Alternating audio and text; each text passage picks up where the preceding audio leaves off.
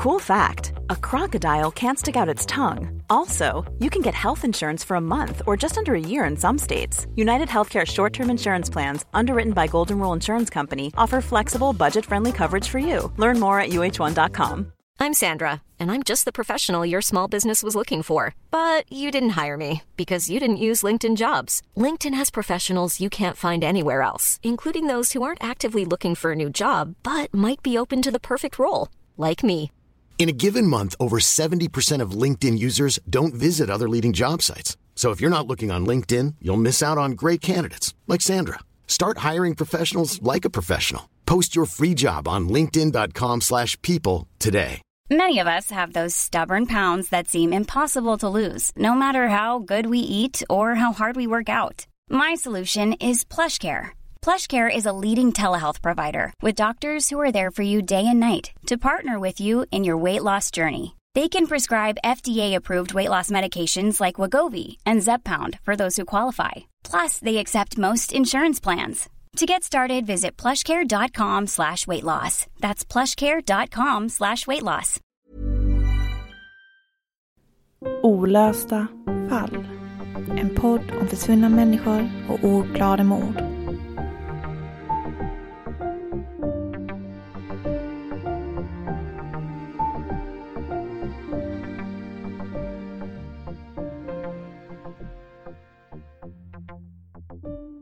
Kjell-Ove Andersson var en lokalkändis i Sandviken där han bodde. En trubadur med eget bluesband. Han kallades Kjelle Blues och hans musik uppskattades av många. Den 19 juni 2008, dagen före midsommarafton, försvinner tvåbarnspappan Kjell-Ove spårlöst. Han var 44 år vid försvinnandet och inledningsvis fanns ingen misstanke om brott, även om polisen inte kunde utesluta det. Du lyssnar på en julspecial av olösta fall. Mitt namn är Nathalie Sejow. Mitt namn är Sofie Nublin. När Kjelle Blues försvann anade hans föräldrar oråd. I en artikel i Arbetarbladet uttryckte hans far Bengt-Olof sig så här en dryg månad efter försvinnandet. Vi tror att det har hänt någonting eftersom han aldrig tidigare missat att träffa sina barn. Hans hem stod orört. Ingen tycktes ha varit där sedan försvinnandet. Polisen gick ut med en bild på Kjell-Ove och hans signalement i hopp om att få in tips. Han beskrevs som 184 cm lång, vägde 90 kilo och muskulöst byggd med bruna ögon. De ville gärna komma i kontakt med alla som kunde ha sett Kjell-Ove under midsommarhelgen. Dagen då Kjell-Ove Andersson försvann den 19 juni hade han på sig en blå t-shirt, ett par svarta byxor och röda skor. Han hade en röd ryggsäck och en väska på sin pakethållare. Den senaste iakttagelsen av honom gjordes i närheten av Sandviks huvudkontor, då han sågs på sin cykel. Cykeln som han cyklade på vid försvinnandet var också av intresse eftersom den aldrig har återfunnits. Att man visste precis vad han hade på sig dagen han försvann beror på att det finns en sista bild på Kjell-Ove som en vän tagit, som tog samma dag som försvinnandet.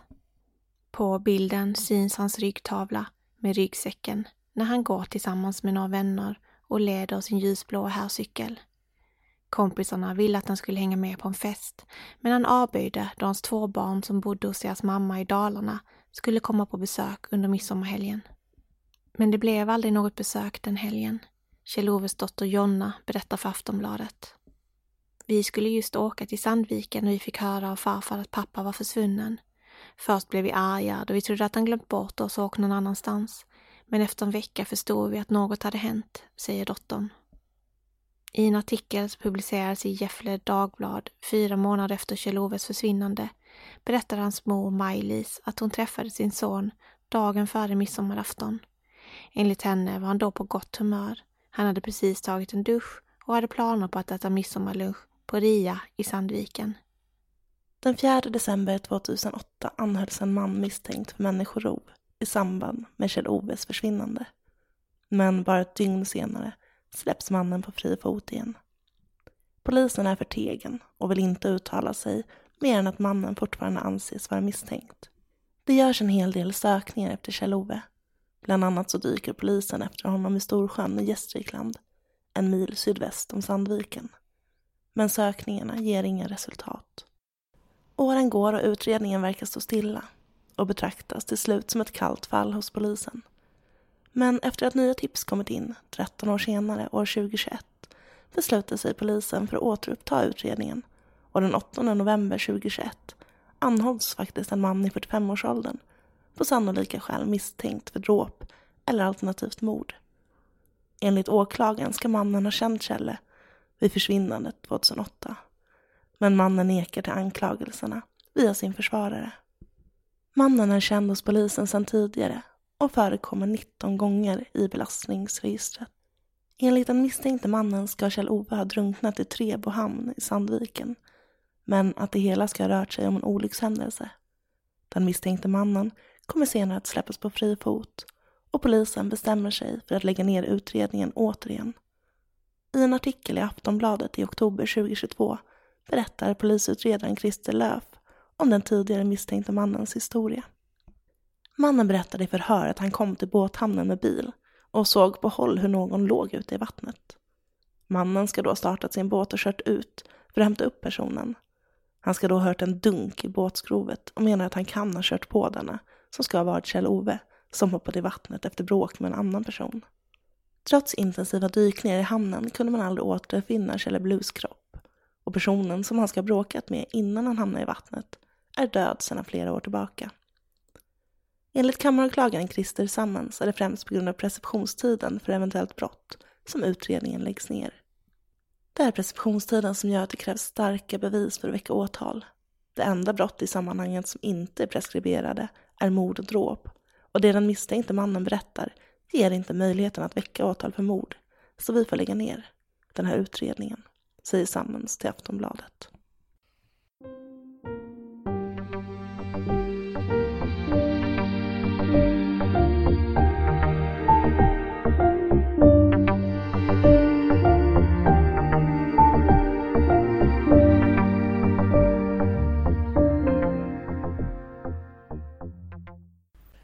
Ja, du Sofie, det här fallet är intressant på många sätt. Dels för att det är ett försvinnande eh, och en utredning som stått stilla i så många år.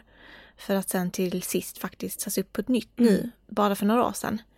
Det är inte ofta det sker någon utveckling i de här fallen så många år senare. Särskilt inte när det inte rör sig om teknisk bevisning utan om nya tips och vittnesmål som kommer in så pass långt senare som det har gjort i det här fallet.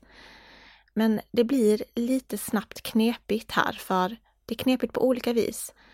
Dels så misstänker man ju att Kjell-Ove är död, men man har inte hittat hans kropp. Trots att man sökt efter hans kvarlevor omfattande så har man inte hittat någonting. Men utredningen blir också svår och knepig för att en av personerna som kan ha orsakat hans död faktiskt inte längre är vid liv. Ja, men precis. Det är, det är så många saker som hindrar den här utredningen. Och i just det här fallet så rör det sig om att den 45-årige mannen som anhölls kunde berätta att Kjell-Ove ska ha bråkat med en person, vilket då resulterade i att han hamnade i vattnet.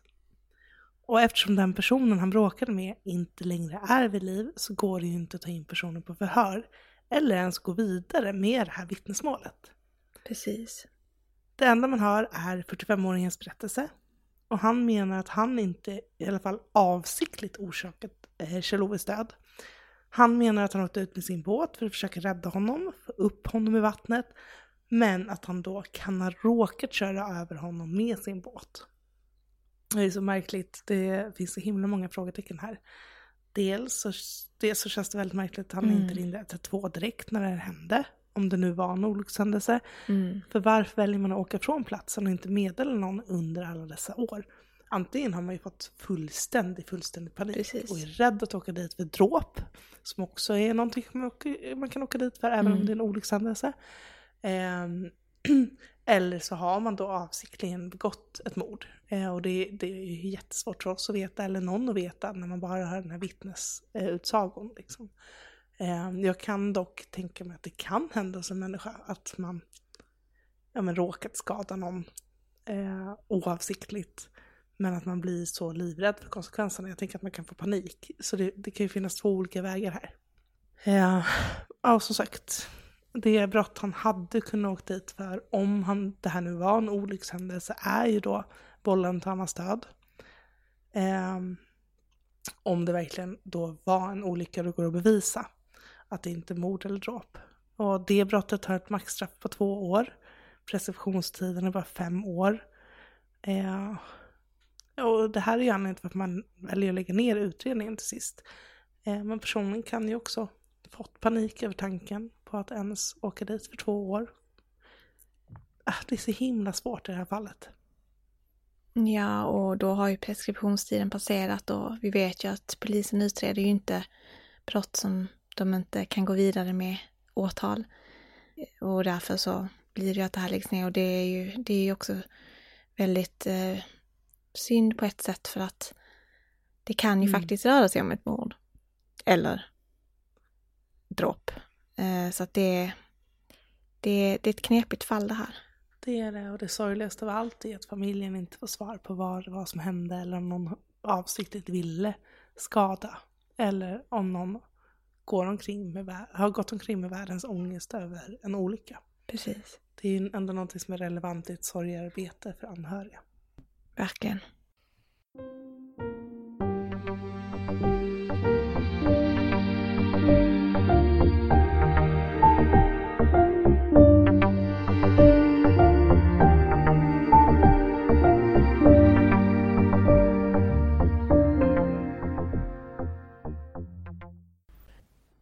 Kjell-Ove, som också kallades Kjelle Blues, är fortfarande försvunnen och nu, år 2023, ansökte hans dotter och hans son om att få honom dödförklarad hos Skatteverket.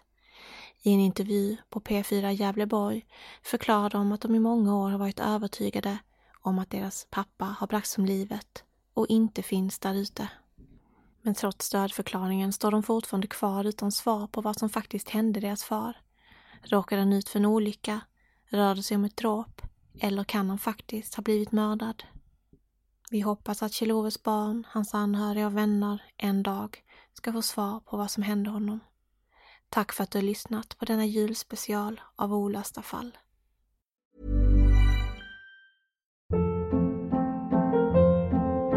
Hold up. What was that? Boring. No flavor. That was as bad as those leftovers you ate all week. Kiki Palmer here, and it's time to say hello to something fresh and guilt-free. Hello Fresh. Jazz up dinner with pecan-crusted chicken or garlic butter shrimp scampi. Now that's music to my mouth. Hello Fresh. Let's get this dinner party started. Discover all the delicious possibilities at hellofresh.com.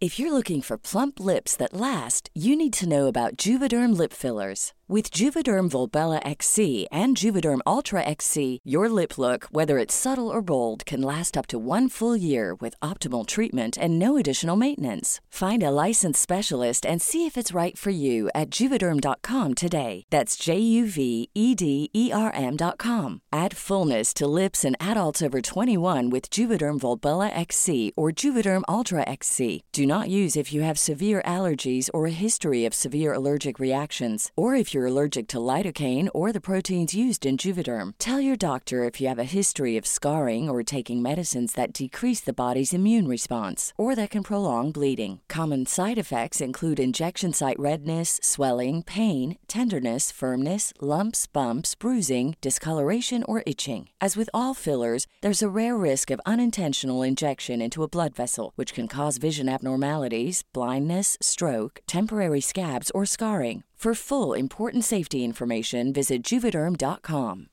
Hi, I'm Daniel, founder of Pretty Litter. Cats and cat owners deserve better than any old fashioned litter. That's why I teamed up with scientists and veterinarians to create Pretty Litter.